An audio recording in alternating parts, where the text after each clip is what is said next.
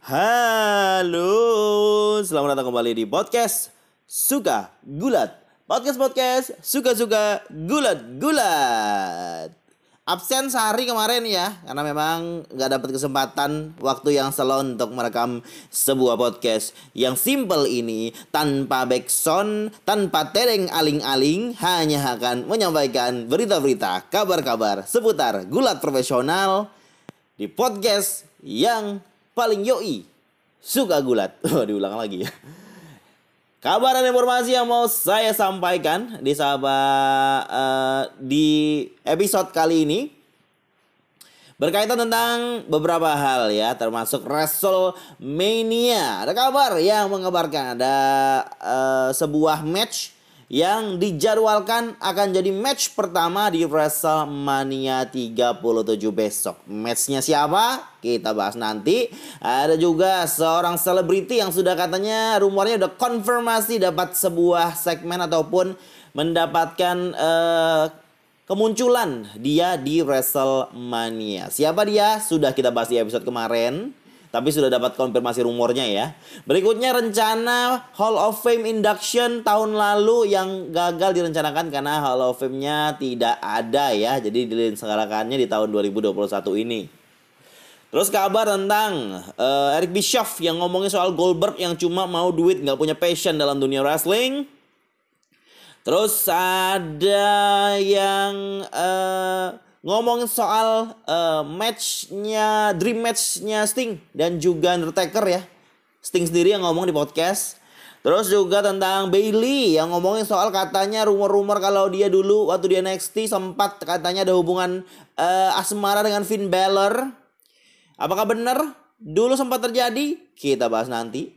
Terus juga tentang uh, returnnya seorang Aleister Black apakah akan terjadi ini baru spekulasi-spekulasi aja ya.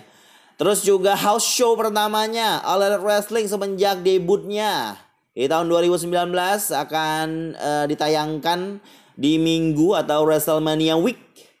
Terus juga kabar tentang WWE Network dan NBC Peacocknya ini yang katanya lagi ada sedikit editing untuk semua konten yang ada di WWE Network. Semua akan kita bahas di podcast Suka Gulat ditemani dengan suara hujan di belakang sebagai musik backgroundnya. Waduh, karena memang lagi hujan ya di sini. Kabar pertama kita bahas yuk terkait tentang match pertama WrestleMania 37. Dikabarkan dan dirumorkan kalau match pertama untuk WrestleMania adalah matchnya Cesaro versus Seth Rollins. Kenapa ini sesuatu yang spesial dikasih tahu? Soalnya selain main eventnya sendiri, match terakhir, match terakhir di WrestleMania, match pertama itu bisa juga disebut main event yang kedua. Karena ini di mana di match pertama semua penonton lagi panas-panasnya nih, lagi semangat-semangatnya. Harus ada match yang bisa mendeliver, yang memberikan match yang spektakuler. Makanya posisi match pertama di setiap pay-per-view apalagi WrestleMania adalah sangat penting. Dan ini sangat penting dan luar biasa untuk Cesaro dan Seth Rollins. Seperti yang uh, dikabarkan dari uh, episode SmackDown yang lalu, katanya Seth Rollins versus Cesaro ini akan terjadi di night pertama WrestleMania 37. Dan dikabarkan dari sebuah website yang bisa dibilang terpercaya ya. Katanya Rollins dan Cesaro akan membuka main show of WrestleMania 37 di night pertama. Karena WWE official, orang-orangnya WWE percaya kemampuannya Rollins dan Cesaro akan steal the show dengan performance-nya di dalam ring. Akan me mencuri perhatian, mencuri pertunjukan dari semua di WrestleMania buat penonton jadi lebih semangat untuk menantikan match-match berikutnya. Harus yang spesial ya. Kita tahu Cesaro kalau sudah uh, memberikan sebuah matchnya pasti performansnya luar biasa, atraktif. Apalagi Seth Rollins yang selalu bisa support lawannya dengan memberikan sell yang mantap. Jadi saya pribadi percaya Cesaro versus Seth Rollins akan jadi pembuka WrestleMania 37 yang fenomenal dan spektakuler. Apakah teman-teman semua setuju? Pasti setuju ya. Apalagi kalau nanti Cesaro bisa memenangkan matchnya. Ini akan jadi membuat uh, ini akan jadi sesuatu hal yang membuat fans yang menonton itu merespon dengan luar biasa semangatnya. Ini salah satu cara untuk biar uh, WrestleMania terkesan penontonnya yang walaupun berjarak itu terkesan ramai dan seru begitu. Harusnya Cesaro yang menang. Harus sekali Cesaro yang menang ya. Tapi nggak tahu rencananya apa. Tapi untuk sesuatu match pembuka yang harus steal the show, Babyface harus memenangkannya, yaitu Cesaro. Soalnya kalau Rollins yang menang, itu akan membuat penonton kecewa di match paling pertama di WrestleMania. Kabar berikutnya, kita sambung lagi masih tentang match di WrestleMania. Gak ada habis-habisnya informasi tentang WrestleMania ya guys. Jadi karena memang kita sudah menuju WrestleMania ini yang sekitar 13 hari lagi kalau nggak salah. Jadi sepertinya bukan cuma Bad Bunny yang akan jadi selebritis yang masuk ke WrestleMania 37. Jadi seperti yang diumumkan di episode SmackDown lalu, kalau Kevin Owens versus Sami Zayn itu akan ada di night kedua WrestleMania 37. Dan juga diresmikan uh, juga sudah ya kabarnya kalau di episode SmackDown berikutnya akan ada segmen dari Sami Zayn yang bernama Red Carpet Premiere di mana dia akan mereveal atau memunculkan dokumenter yang katanya ada konspirasinya itu dengan bintang tamu Logan Paul. Hal ini sudah kita bahas di episode sebelumnya dan sudah dirumorkan ya dari sebuah uh, media yang kredibel tentang dunia wrestling ya Wrestling Observer ini paling kredibel ya menurut kita ya. Logan Paul itu katanya akan terlibat dalam matchnya Kevin Owens melawan Sami Zayn di WrestleMania 37. Jadi dikabarkan belum tahu nih dia akan berperan sebagai apa dalam match tersebut tapi kemungkinan kayak special guest referee atau ring enforcer seperti uh, Edge waktu matchnya Brian sama uh, Roman Reigns pada saat Fastlane kemarin atau jadi wasit uh, special uh, guest wasit ya dalam matchnya Owens versus Sami Zayn. Ini menurut saya upayanya WWE untuk kembali menarik fans-fans casual, fans-fans yang bukan penonton wrestling secara rutin ataupun sama sekali bukan penonton wrestling tapi fans dan tahu uh, ngefans dan tahu sama Logan Paul. Ini bisa jadi sesuatu yang efektif ya untuk menambah uh, viewer dan juga menambah fans baru, customer baru untuk penikmat WWE. Logan Paul sendiri sudah beberapa kali match juga tapi boxing, tinju ya. Bisa jadi ke depannya si Logan Paul itu akan juga beraksi di ring. Seperti yang saya omongi di episode sebelumnya, nggak adil, nggak afdol. Kalau seorang selebriti nggak dapat bump ataupun benturan bantingan di dalam ring. Itu mungkin akan terjadi pada saat episode di SmackDown di hari Sabtu pagi waktu Indonesia Barat. Mari kita lanjutkan kabar berikutnya terkait tentang Hall of Fame ceremony. Jadi uh, sebuah interview yang ada di Busted Open Radio Podcast. Hall of Famer expect atau nama lengkapnya Sam Waldman ya nama aslinya ya. Dia membuat memberikan uh, mengungkapkan sebuah rencana yang sebenarnya harus dilakukan pada saat uh, Hall of Fame tahun lalu. Yang seperti kita ketahui 2020 nggak ada Hall of Fame sama sekali, semua rencana batal. Jadi rencananya pada saat itu WWE official berencana untuk memberikan kejutan induction surprise induction peresmian Hall of Famer kejutan untuk Eric Bischoff masuk ke dalam Hall of Fame tahun lalu dalam bagiannya New World Order atau NWO. Jadi selain Kevin Nash, Razor Raymond ya, Sen, uh, Scott Hall maksudnya. Sekalian Kevin Nash, selain Kevin Nash, Scott Hall, Hulk Hogan dan uh, X-Pac, Itu nanti pada saat induction di Hall of Fame itu Eric Bischoff diundang. Dan saat itu akan dikejutkan Eric Bischoff diberikan surprise kalau dia menjadi salah satu orang di Hall of Fame tapi bagian dari NWO. Dan seperti yang kita ketahui kalau di tahun 2021 ini Eric Bischoff menjadi Hall of Famer sendirian. Bukan bagian dari NWO. Ini sesuatu yang menguntungkan sekaligus ya bisa dibilang sesuatu yang uh, tidak direncanakan oleh WWE awalnya. Tapi memutuskan ya udahlah. Eric Bischoff juga banyak melakukan hal untuk dunia gulat profesional, WWE, WCW dan lainnya. Dia pantas mendapatkannya sebagai uh, single Hall of Famer. Hall of Famer sendirian. Ini diungkapkan oleh Sam Waldman di Bastard Open Radio. Dia bilang, dia malah bilang uh, dia senang malah bangga malah mereka uh, orang WWE masukin Eric Bischoff sebagai Hall of Famer sendirian di 2021. Karena rencananya seperti yang saya ceritakan tadi, kalau Eric Bischoff itu akan jadi orang apa uh, se, se, se, seorang figur yang dikejutkan uh, dengan masuk ke dalam salah satu dari NWO untuk Hall of Famer-nya. Malah jadi lebih bagus dia nggak jadi rencana itu karena ini membuat si Eric Bischoff jadi mendapatkan uh, Hall of Famer-nya, gelar Hall of Famer-nya, cincin Hall of Famer-nya sebagai pribadi ataupun diri sendiri. Dan Espak senang juga uh, rencana tersebut tidak dilakukan ataupun dibatalkan karena seorang Eric Bishop nggak pantas diberikan sesuatu yang hanya dia suruh datang, oh ini kejutan nih, ini untuk kamu nih, kamu masuk NWO, nggak gitu.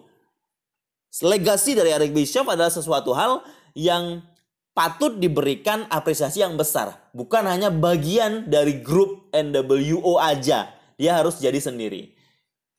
Kalau ngomongin soal uh, siapa yang pantas ya? Emang great kali pantas banyak yang nggak terima juga great kali banyak yang mengejek juga great kali menjadi seseorang yang masuk ke Hall Fame inductee di uh, eh, 2021 ini. Tapi seperti yang saya bahas juga di episode-episode sebelumnya di episode yang mana ngebahas soal great kali sama Kane ini katanya harusnya memang uh, bisa dibilang kalau dilihat dari sisi lain great kali memang cukup pantas karena dia membuat pasar terbesarnya WWE yaitu di India menjadi uh, menguntungkan sekali untuk WWE dan membuat uh, fans uh, bas basis fansnya WWE itu keras dan kuat banget di India. Ngomong-ngomong soal Eric Bischoff. Jadi Eric Bischoff ini jadi tamu di podcastnya, uh, di interviewnya channel YouTube Chris Van Viet, yaitu Insight namanya kalau nggak salah ya. Jadi Hall of Fame uh, si Hall of Famer ini Eric Bischoff ini akan diresmikan di tahun 2021 ini nanti sebelum WrestleMania. Dia ngomongin soal legend si WCW uh, eh, WCW legend Goldberg yang masih bergulat di WWE di umurnya 54 tahun. Jadi kurang lebih yang dibilang Bischoff katanya uh, Goldberg ini bergulat terlibat dalam WWE itu bukan karena dia mencintai bisnis ataupun dunia gelat dunia gelat profesional, tapi dia melakukannya karena uang, hanya karena money. Ini sesuatu yang uh, di bisa dibilang sedikit tidak dihargai oleh Eric Bischoff ya. Tapi bukan berarti dia membenci Goldberg mereka walaupun bukan teman dekat tapi mereka tetap teman kata si Eric Bischoff ya. Ini sesuatu yang uh, Eric Bischoff memang kurang uh, enak gitu loh yang dia uh, yang yang pendapatnya gitu. Ini juga dilakukan oleh bukan cuma Goldberg tapi juga Brock Lesnar yang sekali main yang cuma lima menitan kadang cuma beberapa menit muncul doang itu bisa jadi sekali muncul itu dia dapetin uang jutaan dolar gitu Apalagi di matchnya The Finn lawan Goldberg yang cuma 3 menit doang itu. Itu Goldberg banyak sekali dapat uangnya dong. Nah, Eric Bischoff memang sangat menyayangkan hal tersebut. Walaupun memang ya namanya bisnis ya bisnis saja. Dengan Goldberg ada, Brock Lesnar ada. Jadi banyak mata yang ingin menontonnya. Tapi uh, dia nggak setuju kalau misalnya Goldberg itu perform hanya dia karena karena dia punya passion ataupun cinta dengan dunia gulat. Enggak, itu murni karena eh duit bos. Berikutnya masih tentang uh, sebuah interview ataupun podcast ya. Ini dari Bleacher Report nih yang interview bersama Sting yang ngomongin sempat soal The Undertaker. Karena selama 20 tahun fans menantikan dream match satu ini. The Icon Sting lawan The Dead Man The Undertaker. Setelah Sting masuk ke WWE, resmi masuk ke WWE, banyak orang berspekulasi dream match akan terjadi. Tapi kita menunggu sampai Sting cedera dan pensiun memutuskan untuk berhenti bergulat di WWE, gak ada uh, tanda-tanda kalau Undertaker akan match dengan Sting. Sampai muncul uh, sebuah spekulasi dan rumor lagi ketika Undertaker match sinematik dengan Edge Style di WrestleMania 36. Orang banyak berpikir kayaknya Undertaker bakal tetap bisa ini match lawan Sting untuk sinematik. Dan memang benar Sting menginginkan hal tersebut. Tapi tidak menemukan persetujuan, tidak mendapatkan persetujuan oleh Bapak Vince dan juga official dari WWE. Entah apa sebabnya. Dan ini membuat Sting cukup kesal dengan hal tersebut karena ini sesuatu yang ingin dia berikan ke fans yang sudah 20 tahun inginkan, yaitu Dream Match Undertaker versus Sting yang bisa dilakukan secara sinematik. Tidak perlu takut uh, uh, sidera, tidak perlu takut uh, bakalan tidak sesuai dengan uh, ekspektasi. Karena cinematic match dibikin sebuah uh, layaknya sebuah film. Ada cedera dikit bisa dikat, ada salah dikit bisa dikat gitu. Tapi sayangnya ya seperti kita ketahui Sting sebel mungkin ya. Akhirnya dia pindah ke All Elite Wrestling. Di mana sebelum dia keluar dari WWE dan pindah ke All Elite Wrestling temennya si Tony Schiavone yang merupakan host ataupun presenter ataupun komentator yang ada di All Elite Wrestling bilang katanya kalau mau main ke AEW monggo silakan. Main ke AEW katanya gitu. Kurang lebih begitu ya nggak mungkin dia bilang monggo. Jadi si uh, Tony ini ngajak ini kan temenan sama Sting, ajak Sting ayolah main ke All Wrestling. Kalau nggak mau pindah di sini kontrak juga nggak apa-apa. Karena di sini bisa uh, uh, di Sting tuh ditawarkan sebuah cinematic match. Akhirnya Sting nggak dulu waktu itu. Terus setelah kayaknya Undertaker sama Sting nggak bakal jadi, akhirnya Sting memutuskan untuk keluar dan ke, ke pergi ke All Wrestling dan kita tahu di acara pay per view-nya di Revolution kemarin uh, si Sting itu sama Darby Allin melawan tim tes itu mereka melakukan sebuah cinematic match yang luar biasa keren sekali. Dan ini membuat Sting yang tua dan seharusnya lemah itu kuat dan badass man. Kalau yang belum nonton matchnya, monggo silahkan langsung tonton dulu ya. Mumpung belum dihapus, dihapus. Dan uh, dia juga sempat cerita dalam podcast ini dia merasakan atmosfer yang luar biasa dan dan sesuatu yang sangat menggembirakan bagi dia. Sesuatu yang keren buat dia, dia kembali ke TNT. Tempat stasiun televisi yang membesarkan namanya waktu dia di WCW. Nah ini sesuatu hal Pertama, sangat kita sayangkan sebagai penggemar gulat profesional, Dream Match ini tidak pernah terjadi dan sepertinya tidak akan terjadi karena Undertaker pun sudah menyatakan pensiun dan dia adalah anak emasnya Vince yang nggak mungkin pergi ke mana-mana. Udah jelas tuh diceritain waktu saat dokumenternya Undertaker The Last Ride. Dan Sting sudah di All Wrestling.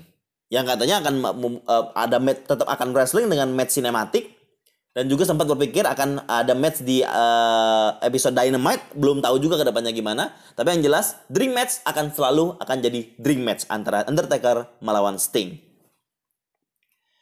kabar berikutnya ini banyak kabar-kabar yang kita dapatkan itu dari uh, hasil podcast, hasil interview ya, karena memang di situlah sumber dari banyak berita begitu.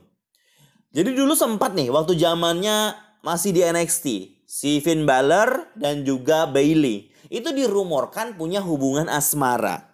Karena waktu itu sempat pada saat Finn Balor cedera dan gak bisa muncul di NXT, Bailey ini katanya temenan sama Vince, uh, sama si Finn Balor dia me, me, ataupun memparodikan gayanya Finn Balor entrance yang apa yang mengangkat tangannya pada saat musiknya pas itu. Jeng jeng jeng jeng gitu gitu Bailey mencoba menirukannya begitu. Dan dia punya hubungan baik juga dengan orang tuanya Finn Balor sempat berfoto juga dan fans jadi berspekulasi mereka punya hubungan apa sih? Kayaknya mereka punya hubungan spesial dan di sampai sekarang belum ada jawaban resmi. Nah ini salah satu jadi jawaban resmi dari Bailey. Dia bilang dalam uh, podcastnya uh, istri dari John Moxley, Rene Packets atau Rene Young Oral Session. Dia bilang ya memang itu sebuah cerita yang sangat uh, luar biasa katanya waktu dia waktu masih di NXT bersama Finn Balor dan uh, dia bilang memang mereka tidak ada hubungan apa-apa dan Finn Balor itu udah punya istri dan hidup bahagia begitu dengan dengan uh, wanitanya dan saat itu juga si Bailey sudah punya uh, pacar dan mungkin sudah bertunangan juga. Dan sekarang si Bailey katanya udah putus ya. Sudah jomblo lagi nih Bailey nih. Bisa dong. Tapi yang jelas dia sudah ngomong kalau itu dulu nggak ada hubungan apa-apa, cuma teman baik aja yang menyupport temannya pada saat dia injury. Dan nggak ada hubungan apa-apa ya yang spesial. Karena masing-masing punya pasangan pada saat itu ya. Berikutnya ada kabar baik nih lagi lagi-lagi kabar baik terus ya dari Aleister Black. Kabar baik terus kapan munculnya? Dia mau ngepost sebuah uh, pesan yang uh, yang bisa dibilang uh, pesan yang mengisyaratkan sesuatu hal. Jadi di uh, uploadannya si uh, Aleister Black ini semenjak Januari Aleister Black ini nggak pernah post apa-apa di Instagramnya. Jadi baru baru baru ini dia ngepost lagi nih dengan foto dia lagi menunduk pakai kacamata, pakai baju lengkap begitu, baju resmi formal gitu dengan uh, caption Let us sit face to face soon. I will have many stories to tell, all of them in full color. Ini mengisyaratkan apakah dia akan return? Apakah dia akan balik?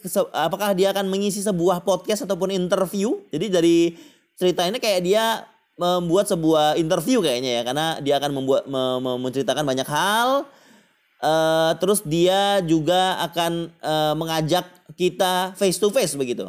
Berarti kayak mau return apa gimana nih? Belum jelas ya, hanya cryptic message aja. Dan timing yang tepat muncul yang menarik dari uh, in, Twitternya Buddy Murphy, mantan dari asistennya Seth Rollins. Jadi uh, Buddy Murphy itu mengetweet wanna steal the shows at WrestleMania at WWE Aleister. Jadi dia ngajak Aleister untuk steal the show, untuk mencuri perhatian di WrestleMania. Nah, apakah hal ini bisa jadi membuat sebuah spekulasi kalau Body Murphy akan ada match dengan Aleister Black di WrestleMania? Ataukah ini aja troll beraka? Troll belaka di mana Body Murphy bisa dibilang cukup bosan di rumah, cukup bosan absen terus, pengen pada match gitu. Dan belum tentu juga ini ya, belum tentu juga ya. Tapi yang jelas ini membuat semua fans berharap Aleister kembali. Cepatlah Bapak Aleister kembali dong. Jadi Aleister Black ini sudah absen dari WWE sejak Oktober 2020. Kalah dari Kevin Owens dengan no disqualification matchnya pada saat di Raw. Dan di malam itu dia dikirim ke SmackDown untuk di WWE draft itu. Dan dia sampai sekarang nggak muncul di SmackDown sama sekali. Dan Dave Meltzer dari Wrestling Observer pun bilang yang udah kita bahas juga di episode sebelumnya kata Aleister itu nggak meluar-luar nggak muncul-muncul nggak ada untuk dimasukkan storyline apa pun karena waktu itu Paul Heyman keluar dan digantikan oleh Bruce Pritchard yang mana Aleister adalah anak bisa dibilang uh, Paul Heyman guy ya atau itu juga kayak titipannya Paul Heyman dan Paul Heyman suka sama Aleister tapi banyak dari uh, eh, WWE official termasuk Bruce Pritchard itu nggak begitu suka dan nggak ngerti mau di, diapakan ya Aleister Black apakah Aleister Black akan return dalam waktu dekat dengan gimmick yang baru. Nah, itu yang harus kita tunggu-tunggu. Ya nggak sih? Informasi berikutnya datang dari All Elite Wrestling yang punya event tanpa disiarkan televisi pertama kali. House Show. Jadi dikasih nama house show-nya biar kelihatan spesial dengan poster-posternya gitu yaitu namanya The House Always Wins yang juga diadakan di acara di tempat yang sama setiap episode Elite Wrestling Dynamite dan juga pay per view karena semenjak corona ini acaranya All Elite Wrestling tidak pindah ke mana-mana di situ aja. Kenapa alasan event ini dibuat? Itu karena memang tujuannya biar ada event meramaikan uh, pekan WrestleMania karena posisinya acara ini ada di Jacksonville di Florida juga. di mana di acara WrestleMania juga ada di Florida. Walaupun jaraknya 3 jam uh, antara dari Tampa Bay ke Jacksonville, tapi uh, ini sesuatu yang memang uh, kayak bisa dibilang kayak wajib diadakan semua promosi gulat ya karena banyak promosi gulat yang mengadakan acara di menjelang-jelang WrestleMania seperti uh, apa itu culture-nya ya atau kebiasaan dari uh, banyak promosi gulat ketika menjelang WrestleMania the show of show gitu. Dan ini ada diinformasikan lewat tweetnya Elite Wrestling, Instagramnya juga, dan sambil jualan tiket juga ya untuk bisa menonton acara tersebut. Dan yang diinformasikan oleh Tony Khan katanya yang akan main itu Kenny Omega sama Michael Nagasawa melawan Matt and Mike Seidel. Terus juga Cody Rhodes melawan Ethan Page, Young Bucks and Brandon Cutler melawan Death Triangle. Terus juga Darby Allin akan perform dan ada kemunculan dari Pinnacle, Britt Baker, Jet Cargill dan juga Orange Orange Cassidy. Dan biasanya mungkin buat teman-teman yang belum tahu kalau house show itu adalah sebuah show event of hair, event of air, event tanpa masuk televisi, tapi biasanya uh, setiap uh, matchnya itu itu ceritanya ataupun uh, in, bumbu dari matchnya itu tidak ada hubungannya sama apa yang sudah disiarkan di televisi. Biasanya seperti itu. Gak tahu nih, All Wrestling memperlakukan acara ini seperti apa? Apakah seperti Dynamite biasa, acara spesial biasa yang tanpa televisi, atau uh, seperti house show yang yang tidak ada hubungannya, atau malah dihubungkan dengan uh, storyline yang ada di Dynamite? Belum tahu ya. Tapi sepertinya ini ada terus uh, berhubungan dengan storyline yang ada di Dynamite begitu ya karena memang uh, bisa jadi ini kayak uh, uh, wrestling dark aja tapi mungkin uh, diisi dengan performance yang spesial dari main rosternya All Elite Wrestling. Terlepas dari apa tujuan acara ini, tapi yang jelas ini salah satu uh, persembahan mungkin untuk orang lokal penggemar yang memang uh, memang mencintai ataupun senang menyaksikan gulatnya dari All Wrestling. Hanya spesial untuk para penggemar yang hadir langsung ke event tersebut. Kabar terakhir yang sempat saya tadi sempat ingin ceritakan ya terkait tentang uh, eh, WWE Network yang di khusus di Amerika aja itu pindah ke live uh, ke platform streaming baru yang punya NBC namanya Peacock. Banyak uh, orang yang menyayangkan pindah ke Peacock dengan uh, sedemikian rupa cepatnya dengan tiba-tiba karena memang Peacock ini dari NBC ini butuh konten dari platform streamingnya dan dia membeli seluruh isi yang ada di WWE Network. Tapi ini berlaku hanya untuk Amerika saja begitu katanya ya. Kurang lebih begitu.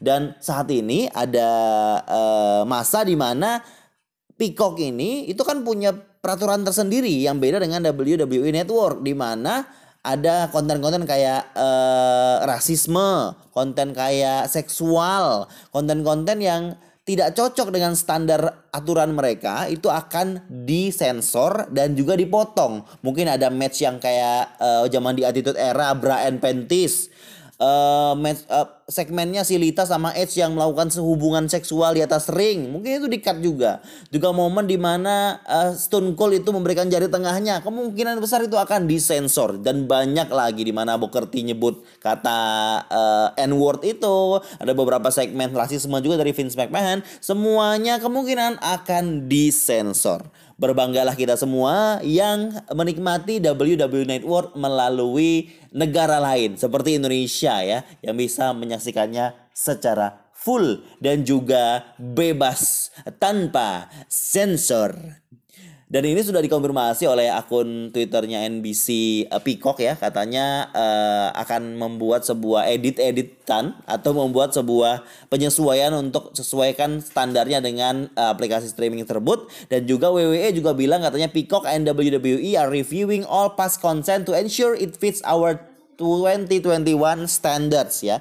Jadi ini tujuannya untuk uh, menginformasikan kepada fansnya kalau ada perubahan seperti itu. Tapi uh, di WWE sendiri ngomongnya ini adalah uh, berkaitan tentang 2021 standards. Ini maksudnya WWE kayak uh, bilang kalau uh, dia punya standar baru atau aturan baru untuk 2021 yang memang aturannya menyesuaikan Peacock yang saat ini memiliki punya hak untuk semua konten WWE di WWE Network untuk dibroadcastkan, di streamingkan melalui aplikasi streamingnya hanya untuk Amerika Serikat.